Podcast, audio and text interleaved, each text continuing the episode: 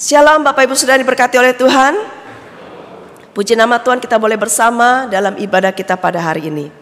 Haleluya. Coba sapa, salam sehat kanan dan kiri. Tuhan Yesus memberkatimu. Coba salam sapa kanan dan kiri, sapa kanan kirimu Tuhan Yesus memberkatimu.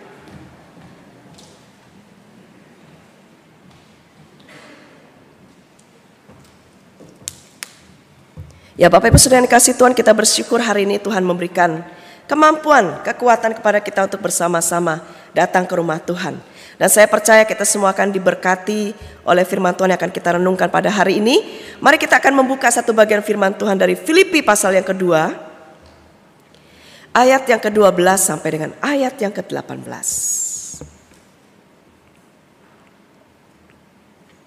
Filipi pasal yang kedua ayat 12 sampai 18.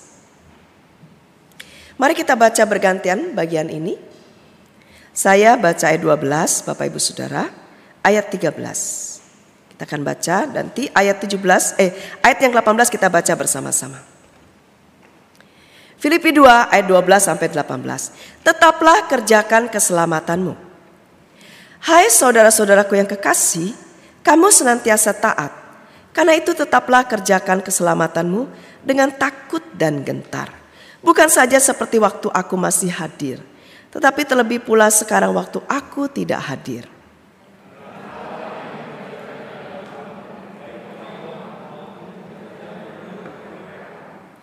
Lakukanlah segala sesuatu dengan tidak bersungut-sungut dan berbantah-bantahan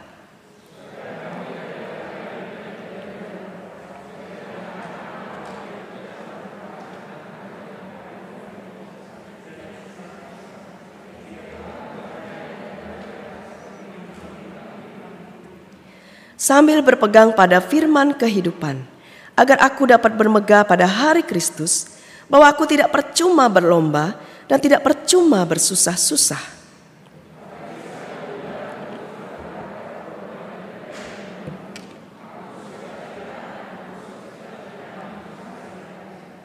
Bersama-sama, dan kamu juga harus bersuka cita demikian, dan bersukacitalah dengan aku.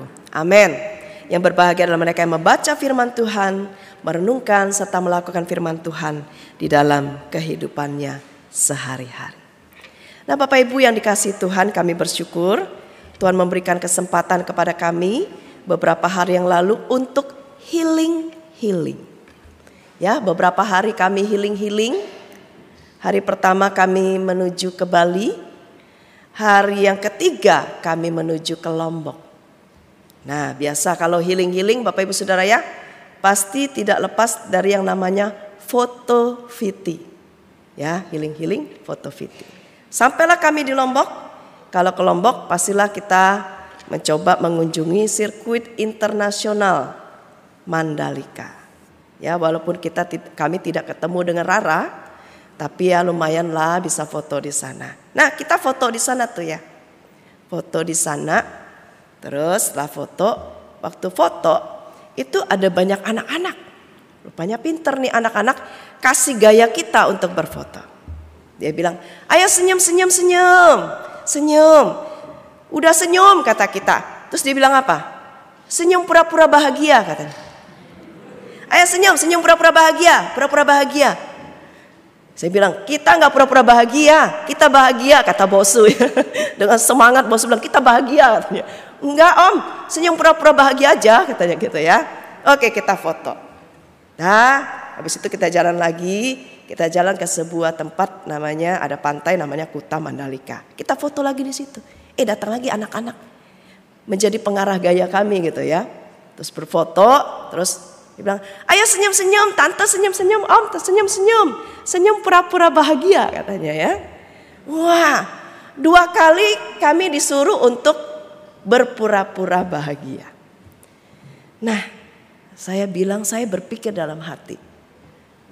Bosu memberikan jawaban yang sama. Oh enggak, kita enggak pura-pura bahagia, kita senyum bahagia. Om, pura-pura bahagia aja om.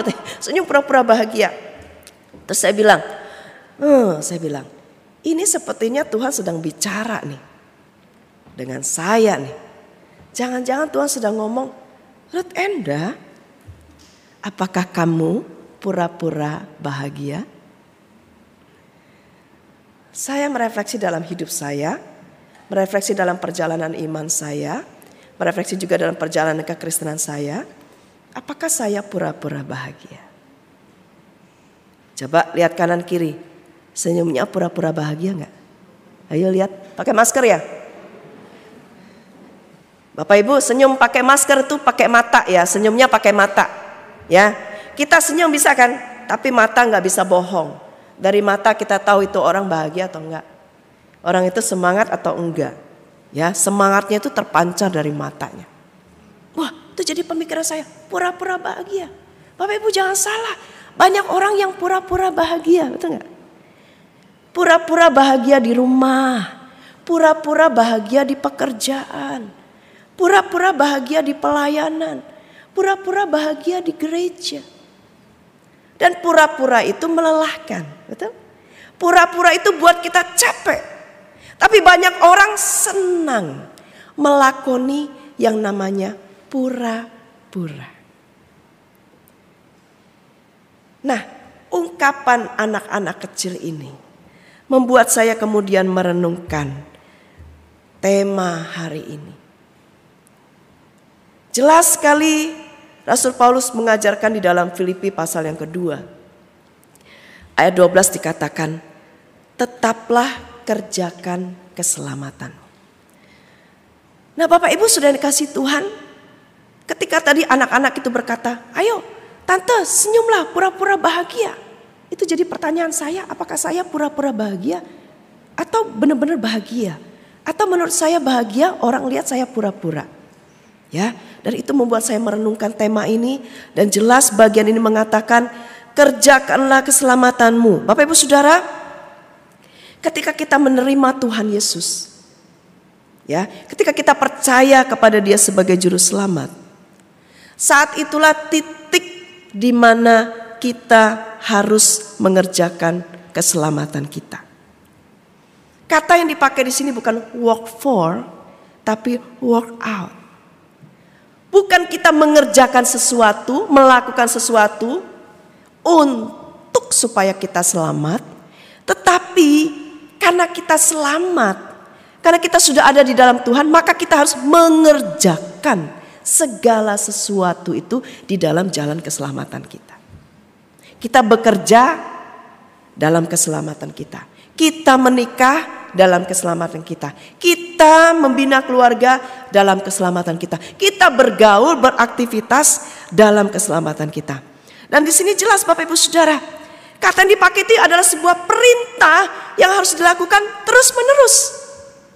Terus menerus, terus menerus, terus menerus, terus menerus sampai saat ini. Jadi ini bukan hanya bicara dulu, bukan.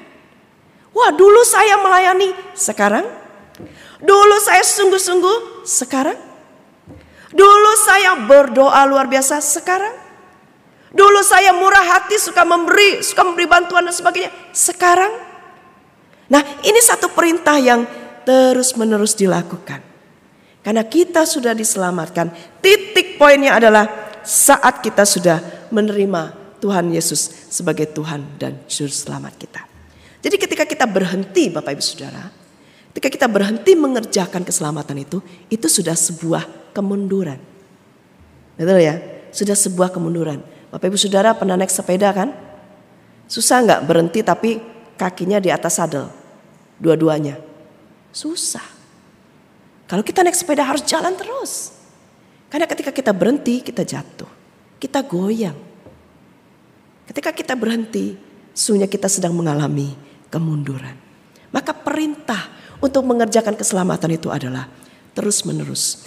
Dan ini juga mengandung pengertian Bapak Ibu Saudara, kesempurnaan. Kesempurnaan, tadi lagu tadi mengatakan, pengorbananmu sempurna. Sudah sempurna pengorbanan Tuhan. Keselamatan itu sudah sempurna, yang belum sempurna siapa? Kita. Itu karena itu kita harus mengerjakan terus sampai sempurna. Jalanlah terus sampai karya penyelamatan sepenuhnya itu sempurna dikerjakan di dalam kamu. Jadi Bapak Ibu Saudara, kita dapat dan kita harus menjalani hidup yang mengalami dan memancarkan karya penyelamatan Allah. Terus menerus, terus menerus. Jangan berhenti. Ketika berhenti, mundur. Ketika berhenti itu sudah awal kejatuhan.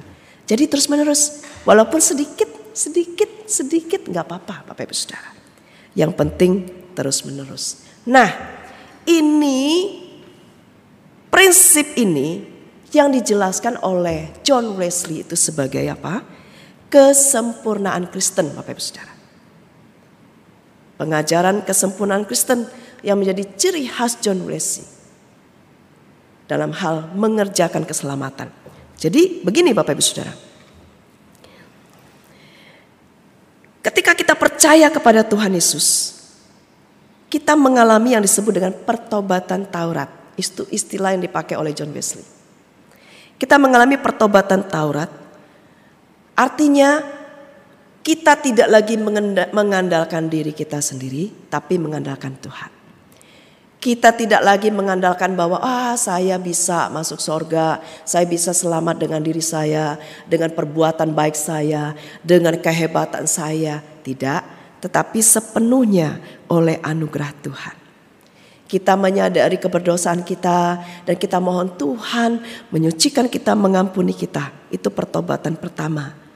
Dan saat itulah ketika kita terima Tuhan kita Yesus Kristus sebagai Juru Selamat, kita dibenarkan dan kita mendapatkan first blessing, berkat yang pertama. Orang Metodis mengenal second blessing. Ya, jadi first blessing, second blessing. Nah, sejak berkat yang pertama ini ya, kita percaya Yesus, terima dia sebagai Tuhan dan juru selamat, kita dapat berkat yang pertama. Berkat untuk apa? berkat bahwa kita ini orang yang sudah dibenarkan. Dikasih roh kudus dalam diri kita. Kita dimampukan untuk diproses terus. Kita dimampukan untuk disempurnakan terus. Ya itu berkat yang pertama. Amin. Kita semua sudah dapat berkat yang pertama. Amin. Ada amin? Setuju nggak? Setuju ya. Sudah percaya Yesus ya. Pasti sudah dapat berkat yang pertama. Nah, terus diproses, terus dikuduskan, terus tadi mengerjakan keselamatan itu sampai akhirnya terus dewasa dan menjadi sempurna. Nah, ketika sempurna itu kita mengalami pertobatan evangelikal namanya. Jadi pertobatan yang kedua ketika orang itu sudah menerima Tuhan Yesus dan dia mengalami pertobatan lagi yang kedua lewat berbagai proses kehidupannya dan setelah itu dia baru mengalami kesempurnaan dan itulah yang disebut dengan second blessing. Pada John Wesley ketika itu ditanya, Pak John Wesley, kira-kira mungkin nggak orang Kristen itu mengalami uh, second blessingnya tuh pada waktu dia masih hidup? Ya, karena kalau kita melihat apa yang dialami John Wesley, dia mengalami second blessing itu. Tapi dengan rendah hati dia berkata, yang terbaik dari semuanya adalah Tuhan beserta dengan kita. Artinya Bapak Ibu Saudara, dalam kemurahan Tuhan, dalam kebaikan Tuhan, ya dalam perkenanan Tuhan, kita dimampukan untuk sempurna. Kita dimampukan untuk bisa mengalami second blessing ini. Karena itu kita belajar untuk dewasa hari demi hari. Kita belajar untuk diproses hari demi hari. Itulah inti daripada mengerjakan keselamatan kita tadi. Sudah selamat, tapi kita terus diproses menjadi sempurna. Nah, apa yang harus dilakukan? Yang pertama tentunya Bapak Ibu Saudara. Dimulai dengan ketaatan. Di sini ayat 12 dikatakan. Hai saudara-saudaraku yang kekasih, kamu senantiasa taat. Ya, senantiasa taat. Ketaatan ini maksud di sini adalah ketaatan yang konsisten. Senantiasa. Tidak dipengaruhi oleh situasi kondisi kita. Waktu saya sehat, saya taat. Waktu saya sakit, saya cari dukun. Saya cari pengobatan lain. Saya tidak mengandalkan Tuhan. Itu berarti tidak konsisten. Ketika semuanya sukses, saya taat. Ketika saya gagal, saya tidak taat. Itu namanya tidak konsisten. Ketaatan yang konsisten adalah tidak dipengaruhi oleh mood kita. Ketika saya senang, saya taat. Ketika saya tidak senang, saya tidak taat. Ketaatan yang konsisten juga tidak pilih-pilih. Wah perintah ini cocok buat saya. Perintah ini cocok buat dia. Yang ini oke okay buat saya. Wah yang ini pas banget buat dia. Enggak Bapak Ibu Saudara. Jadi ketaatan itu konsisten dan terus menerus harus dilakukan. Ya, sampai kapan? Sampai nanti dapat second blessing. Terus sampai Tuhan memanggil kita. Ya, kamu senantiasa taat. Lalu berikutnya, ketaatan itu tidak boleh bergantung kepada manusia. Ketaatan yang tidak bergantung kepada manusia. Di sini dikatakan, bukan saja seperti waktu aku masih hadir, tetapi terlebih pula sekarang waktu aku tidak hadir. Jadi Paulus menjelaskan kepada jemaat Filipi, kamu taat bukan karena aku, tapi kamu taat karena Tuhan. Dan memang hanya Tuhan saja satu-satunya manusia di bumi ini. Saya katakan manusia di bumi ini. Tuhan Yesus. Satu-satunya manusia di bumi ini yang hanya kepadanya itu idola dan sumber ketaatan kita. Amin. Bapak Ibu Saudara, kalau lihat manusia Bapak Ibu bisa kecewa. Lihat manusia akan mengganggu ketaatan kita. Kita mau taat dia, dia, uh, dia aja nggak taat. Dia rohaniwan nggak taat. Bagaimana aku mau taat? Nah, terus istilahnya gini nih, teladannya mana? Nah, dia harusnya lebih teladan dong. Kan saya jemaat biasa. Bapak ibu saudara di hadapan Tuhan gak ada yang namanya jemaat biasa, pelayan, gak ada.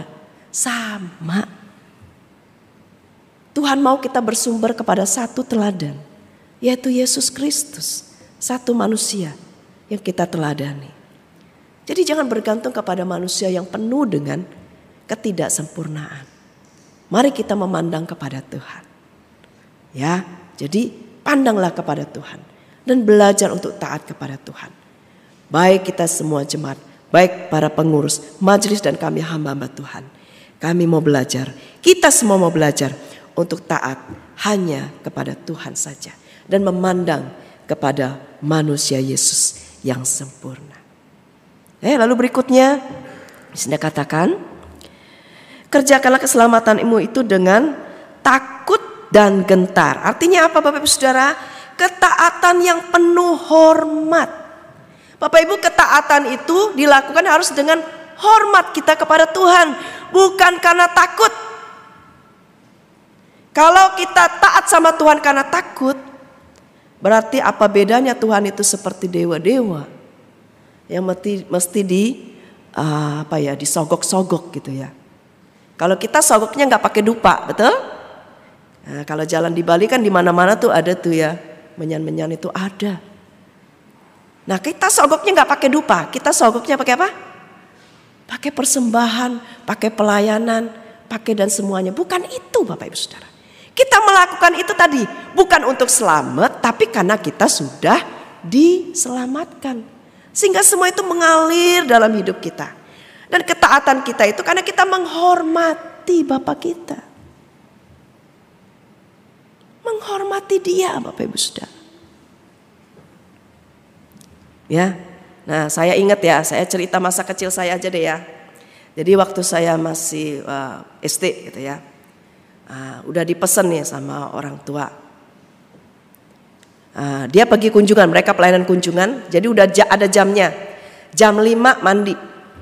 Ya, habis itu uh, apa uh, kerja PR terus makan gitu. Jadi jam 5 mandi. Jadi batas nonton TV itu jam 3 sampai jam 5. Gak boleh lebih. Nah, tapi saya nakal gitu ya. Uh, orang tua pergi, saya nonton TV kepanjangan. Saya nonton sampai jam 7 Bapak Ibu Saudara. Ya sampai jam 7. Terus saya tahu oh udah jam 7 terus saya langsung matiin. Ya kan? Nah, lalu uh, orang tua saya datang dia tanya. Dia pakai nama kecil ya. In, nggak nonton TV kan? Enggak, nontonnya sampai jam 5 aja kata saya. Tahu Bapak Ibu Saudara, apa yang diceknya? TV-nya dipegang, panas. Terus dia bilang, wah kamu bohong ya. Pasti baru matiin TV-nya soalnya masih panas. Nah ini, ini ketaatan yang memandang manusia dan ketaatan yang tidak penuh hormat. Ya, harusnya sih ada nggak ada ya taat. Ya ini simple, anak kecil Bapak Ibu Saudara. Mungkin kita bentuknya lain lagi ya ketidaktaatan kita. Tapi baiklah kita, ketaatan kita bukan karena takut. Wah nanti kalau saya nggak taat, nanti saya ketabrak becak. Bukan. Waduh nanti saya kalau nggak taat, saya nanti kena tipu misalnya. Aduh nanti kalau saya nggak taat, nanti saya sakit. Nah kalau Bapak Ibu punya pandangan seperti ini ya, nih ini dampaknya. Kalau Bapak Ibu Saudara ketaatannya itu karena takut, bukan karena hormat, Misalnya, wah saya taat supaya saya tidak sakit. Saya taat supaya saya tidak gagal gitu ya. Saya taat supaya saya tidak punya banyak masalah. Nah nanti kenyataan hidup yang Bapak Ibu alami, yang kita alami ternyata nggak begitu. Ternyata kita sakit, ternyata kita mengalami kegagalan, ternyata kita mengalami banyak masalah. Nanti kemudian Bapak Ibu akan menyalahkan Tuhan. Loh Tuhan, saya kan sudah taat. Kok masih ngalamin ini Tuhan? Nah, akhirnya iman kita menjadi iman yang tidak dewasa. Bukan iman yang dewasa.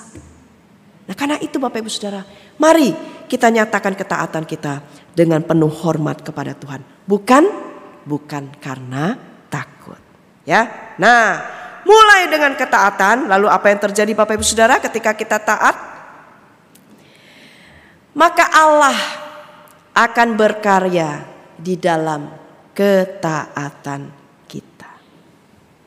Kenapa sering kali kita ngelihat kok susah sekali aku nih ngalamin Tuhan ya? Kok orang tuh kalau hal kecil aja bisa jadi kesaksian, aku kok nggak bisa ya? Kok susah sekali ngalami karya Tuhan? Coba dicek, apakah kita sudah betul-betul taat nggak? Tiga hal tadi ya, ketaatan yang tiga hal tadi taat yang konsisten, taat yang tidak bergantung pada manusia, taat yang penuh hormat. Apakah kita sudah melakukan itu? Karena ketika kita melakukan itu, di dalam ketaatan kita, itu Allah akan berkarya. Ayat 13 dikatakan, karena Allah lah yang mengerjakan di dalam kamu, baik kemauan maupun pekerjaan menurut kerelaannya. Allah yang mengerjakan Kata yang dipakai di sini Allah yang memberikan kuasa. Bapak Ibu kuasa itu penting. Dengan kuasa kita senyum aja itu bisa mengubahkan orang, betul nggak? Orang datang ke gereja, mungkin lagi kena masalah, mungkin pengen bunuh diri di rumah. Dia datang ke gereja, lihat senyum kita. Kalau diberi kuasa senyum itu, itu bisa ngubahin orang itu untuk nggak jadi bunuh diri, Bapak Ibu Saudara. Kuasa itu penting. Dan Allah memberikan kuasa itu kepada kita. Jadi bukan masalah apa banyaknya yang kita kerjakan atau besarnya yang kita lakukan. Sederhana pun yang kita lakukan Mungkin hanya melaka, hanya menyapa, halo selamat pagi, apa kabar kamu? Itu kalau dikasih kuasa, kuasa Tuhan loh ya. Waktu kita bilang apa kabar, wah itu adem. Tapi kalau nggak ada kuasa, Bapak Ibu teriak-teriak dengan kata-kata yang manis nggak ada kuasanya kosong Bapak Ibu Saudara. Percayalah. Karena itu kuasa itu perlu. Nah kenapa kadang-kadang kita nggak ada kuasa? Perkataan kita nggak ada kuasa. Perbuatan kita nggak ada kuasa. Tindakan kita tidak ada kuasa. Kenapa? Karena tidak dalam ketaatan. Nah, ketika kita taat, Allah berkarya, Dia memberikan kuasa di dalam kita. Bapak Ibu mau kuasa Tuhan? Amin. Mau loh. Kita ngomong sama anak nggak harus berkali-kali. Nggak ada kuasanya. ngomong berkali-kali nggak berubah juga gitu ya. Nggak dilakukan juga. Kita butuh kuasa dari Tuhan. Nah, lalu dikatakan di sini, di dalam kamu baik kemauan. Nah, ternyata Bapak Ibu Saudara, kemauan di dalam hati kita gerakan di dalam hati kita itu juga dari Tuhan. Karena itu ketika ya Bapak Ibu perhatiin tuh ya. Kalau ada orang memaparkan misi ya kan. Wah pekerjaan misi. Gak semua orang tergerak loh. Gak semua orang tuh langsung wah saya mau kasih. Gak semua. Kenapa? Karena Tuhan yang menggerakkan. Jadi Bapak Ibu kalau ada gerakan di dalam hati itu dari Tuhan. Sambutlah gerakan itu. Kemauan di dalam hatimu itu. Serahkan kepada Tuhan. Dan tadi harus diawali dengan ketaatan. Karena kalau tanpa ketaatan itu tidak akan terjadi Bapak Ibu Saudara. Hanya cuma apa? Dalam hati aja. Ih kasihan ya. Kemauan dalam hati aku mau sih nolong. Tapi nggak taat nggak akan terjadi. Kenapa orang nggak segan-segan? Wah saya bantu, saya bantu. Tuhan yang kasih. Nah kalau Tuhan yang kasih dan dia sadar Tuhan yang kasih, pasti tidak ada kesombongan. Yang ada adalah nama Tuhan dimuliakan.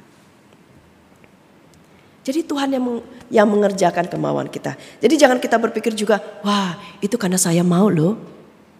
Oh saya diajak-ajakin terus sampai mau. Ya, nah karena itu saya sering kali di dalam pelayanan ya, secara khusus untuk pelayanan-pelayanan yang khusus ya, yang membutuhkan komitmen, membutuhkan kerja keras ya, membutuhkan pengorbanan, biasanya saya tidak akan rayu-rayu.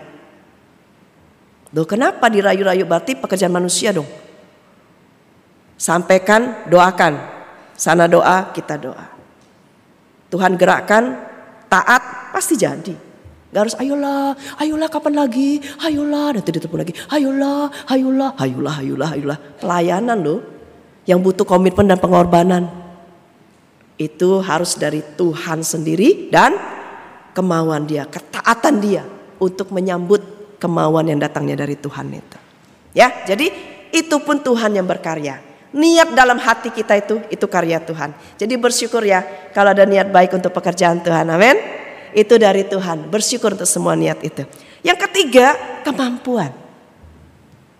Ya, di sini maupun pekerjaan ya, mengerjakan kemauan dan pekerjaan.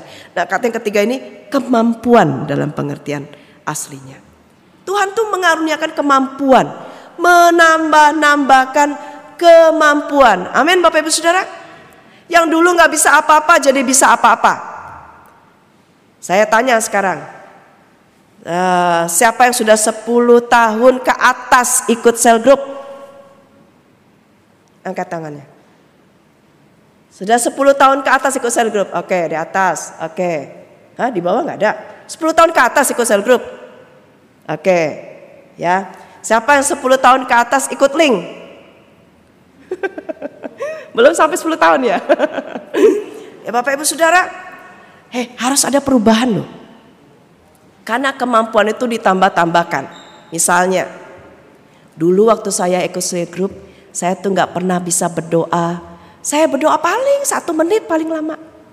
Susah banget doa. Uh. Tapi setelah share group, rajin ikut share group kan banyak tuh. Doain ini, doain itu. Doanya rame-rame lagi kan ya. Ketahuan tuh siapa yang nanti paling lama ya kan. tapi kalau kita kita fokus kita serahkan ke bosu aja lah yang paling lama ya. nah tapi paling tidak Bapak Ibu Saudara kita belajar kan. Makin bisa berdoa. Tuhan tambahkan kemampuan. Asal tadi ada kemauan. Tuhan tambahkan kemampuan. Dulu nggak bisa berdoa, sekarang jadi bisa berdoa. Dulu kalau lihat ayat, aduh ini bahasannya apa ya? Kalau udah sel group stres sendiri ya kan. Bahan ini apa nih maksudnya? Cari-cari cari. Wah kayak mau ulangan aja. Sel group kayak mau ujian gitu kan ya. Padahal kan harusnya santai aja gitu ya. Yang penting kita ingat-ingat firman Tuhan. Nah lama-lama kan bisa. Oh gitu toh caranya. Oh dengerin khotbah minggu, inget-inget diingat-ingat pesannya apa, udah sampai di sel group, udah bertumbuh. Bapak Ibu.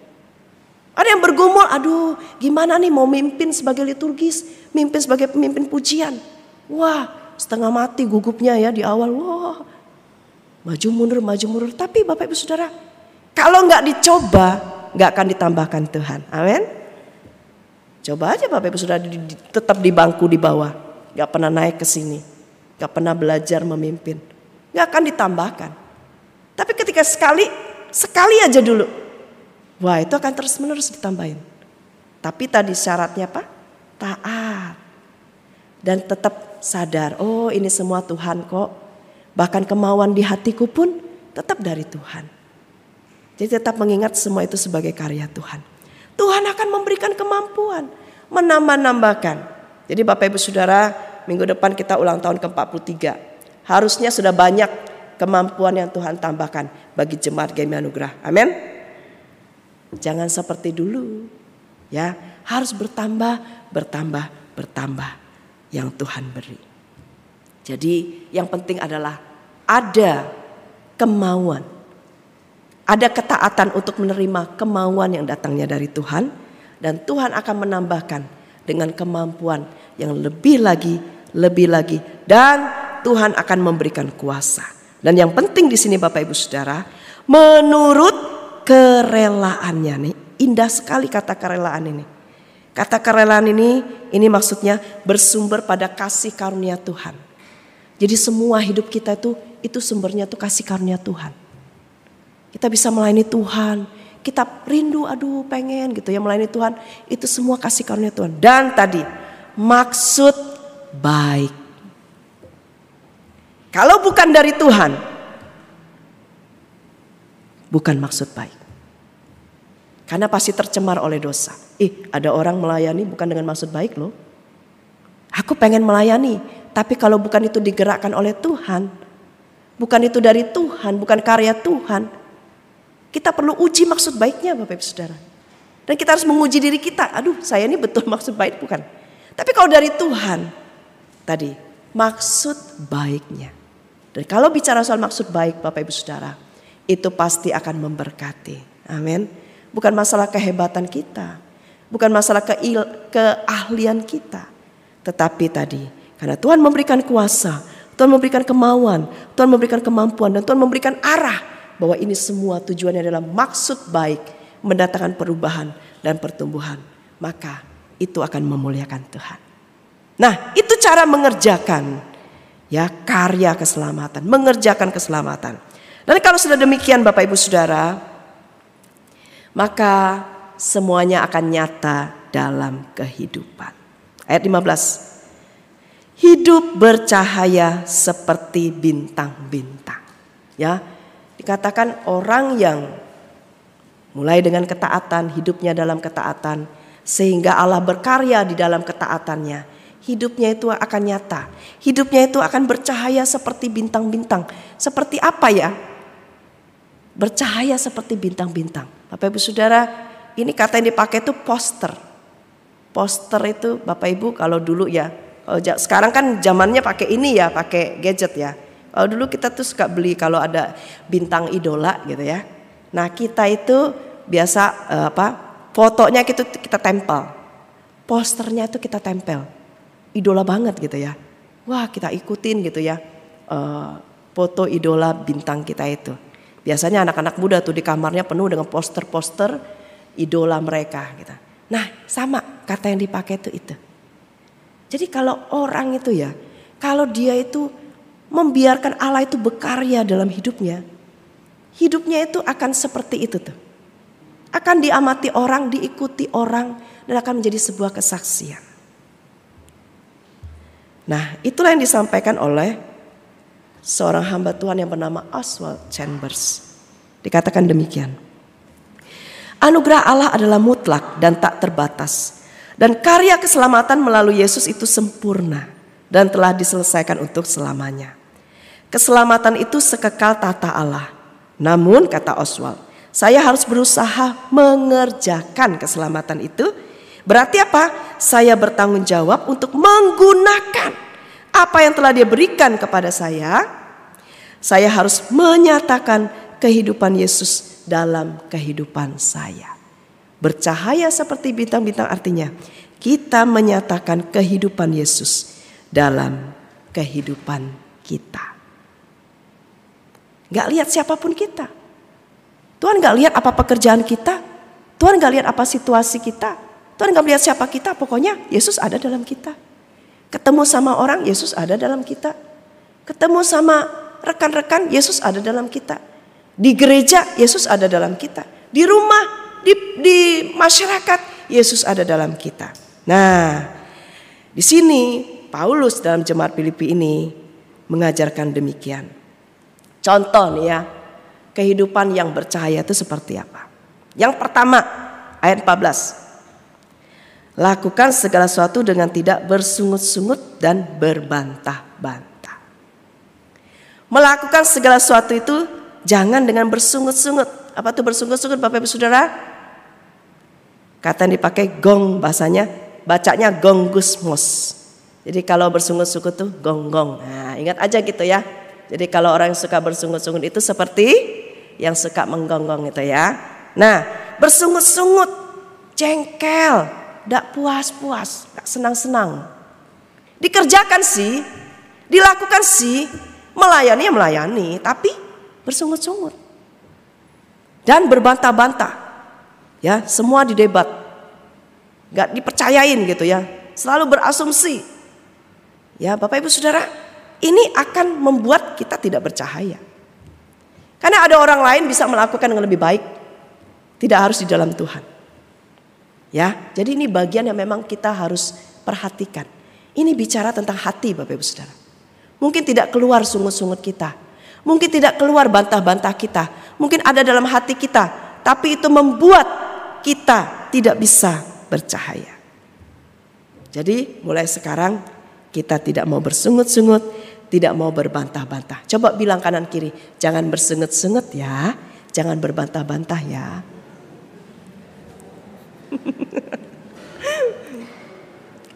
Jadi kalau ayo kita gini siap, nah, mesti gitu. Jangan ayo kita ini, hah apa sih? Ini, ini, ini. Oh gini, waduh, ya kita yang ngajak jadi jadi apa? Sudah nggak jadi ngajak gitu ya untuk melayani Tuhan ya karena sudah terlebih dahulu bersungguh-sungguh dan berbantah-bantah. Lalu yang kedua Bapak Ibu Saudara. Berpegang ayat yang ke-16 ya. Sambil berpegang pada firman kehidupan. Nah ayat 16. Berpegang pada firman kehidupan. Jadi kehidupan yang bercahaya tidak lepas dari yang namanya firman kehidupan. Nah kata yang dipakai ini Paulus bagus sekali ya menggambarkan itu seperti orang itu berpegang pada firman Tuhan itu seperti orang yang sedang memegang obor dan berlari tapi obornya nggak boleh mati. Dia jaga itu obor, dia harus lari. Jadi dia sambil jaga obornya supaya tidak mati dan dia juga harus perhatikan lawannya karena dia harus berlari, harus menang sampai ke garis finish. Jadi dua hal yang harus dilakukan. Jaga obor nyalanya dan juga harus menang. Nah, itu maksudnya berpegang pada firman kehidupan. Dengan pertolongan Tuhan pasti kita dimampukan. Jaga nyala api firman itu jangan sampai mati. Amin. Diingat-ingat lagi firmannya. Gak harus ingat semuanya. Ingat yang jadi berkat apa. Kalau ilustrasi membuat kita ingat firmannya, nggak apa-apa Bapak Ibu Saudara. Yang penting ingat kebenarannya, itu yang dipegang. Nyalanya jangan padam. Itu sangat-sangat berguna ketika kita menghadapi pergumulan, ketika kita menghadapi orang yang susah, ketika kita menghadapi masalah-masalah demi masalah. Itu akan sangat membantu kita supaya apinya tetap nyala dan kita menang dalam pertandingan itu. Ya, lalu yang ketiga, akhirnya kehidupan orang yang percaya itu adalah kehidupan yang bersukacita. Dan sukacitanya tidak pura-pura. Nah ini, ini saya mendapat jawaban dari perkataan anak-anak yang mengarahkan gaya tadi ya. Om, tante, senyum ya, senyum pura-pura bahagia. Nah, ya, kita tidak pura-pura bahagia, capek. Tapi kita mau betul-betul bahagia. Dan kebahagiaan itu lahir dari apa?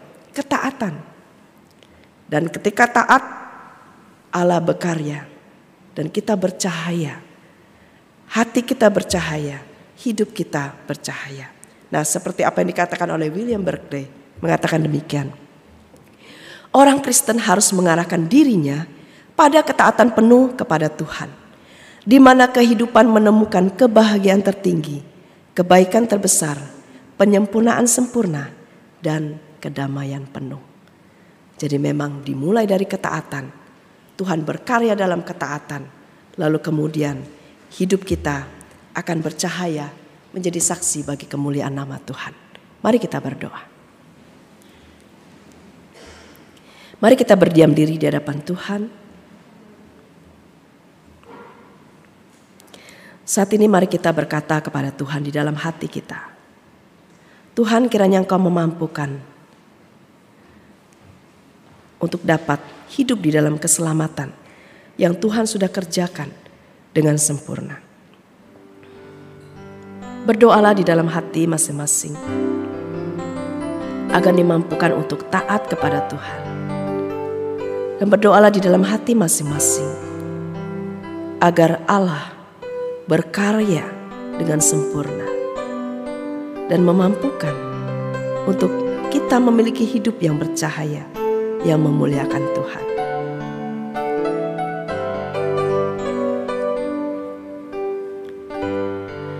Tuhan Yesus inilah kami. Karya keselamatan itu sudah sempurna Engkau kerjakan. Dan kami mau menghidupi karya keselamatan itu mengerjakan keselamatan itu. Karena sesungguhnya Tuhanlah yang mengerjakan segala sesuatunya. Tuhan kami mau dimampukan untuk taat. Sehingga dengan ketaatan kami, kami dapat merasakan Allah itu berkarya dengan sempurna dalam hidup kami dan memakai kami. Hingga pada akhirnya ya Tuhan, hidup kami menjadi hidup yang bercahaya. Di mana melalui hidup kami Tuhan dimuliakan. Tolong kami Tuhan Yesus untuk tidak bersungut-sungut, tidak berbantah-bantah. Kami taat saja, kami lakukan saja firman Tuhan. Tolong kami untuk memegang firman Tuhan. Memelihara nyala api firman Tuhan itu untuk tidak padam dalam hati kami tapi selalu berbicara kepada kami. Dan tolong kami Tuhan Yesus. Untuk kami boleh menyatakan hidup yang sungguh-sungguh bersuka cita. Bukan berpura-pura bahagia. Tapi kami menjalani hidup yang betul-betul di hadapan Tuhan. Kami bersuka cita karena kami taat dan Tuhan berkarya di dalam ketaatan kami. Terima kasih Tuhan Yesus. Engkau mampukan kami untuk melakukan firman ini dalam hidup kami. Di dalam nama Tuhan kami Yesus Kristus kami berdoa. Haleluya.